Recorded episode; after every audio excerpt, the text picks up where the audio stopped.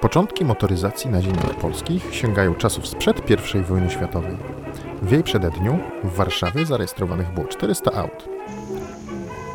Szybki rozwój motoryzacji utrudniała zarówno różna jakość dróg w poszczególnych zaborach, jak i zasady ruchu drogowego. Na przykład na terenie Austro-Węgier obowiązywał wówczas ruch lewostronny.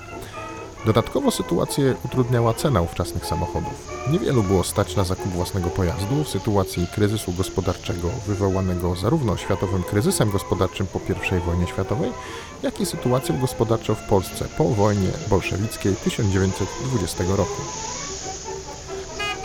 Motoryzacja przedwojenna w Polsce rozwijała się najbardziej do roku 1929, kiedy to w Polsce jeździło około 30 tysięcy samochodów. Od 1929 aż do 1935 roku następuje regres i liczba aut spada do niecałych 25 tysięcy w 1935 roku. W owym czasie około 70% wszystkich sztuk aut na świecie znajdowało się w Stanach Zjednoczonych. Szacuje się również, że na początku lat 30. w Warszawie zarejestrowanych było około 3,5 tysiąca aut. Kodeks drogowy ujednolicono w 1921 roku. Wprowadził on ruch prawostronny na terenie całej Rzeczpospolitej. W drugiej połowie lat 20. uruchomiono w Warszawie pierwszą sygnalizację świetlną, a pierwsze znaki drogowe postawiono w 1927 roku. Pierwsze stacje benzynowe, zwane pompami, pojawiły się w Warszawie w 1924 roku.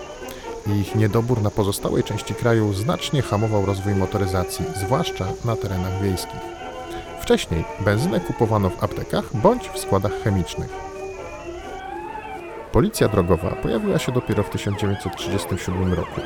W sześciu komendach pracowało około 50 specjalistów od ruchu drogowego. Trzeźwość zaś badano na czuje. Tuż przed wybuchem II wojny światowej drogówka otrzymała do dyspozycji odpowiednik współczesnych radarów, tzw. fotorejestrator, sprowadzony specjalnie ze Stanów Zjednoczonych. Wyświetlał on prędkość i robił zdjęcie. Wraz z motoryzacją przyszły pierwsze wypadki drogowe, w tym śmiertelne.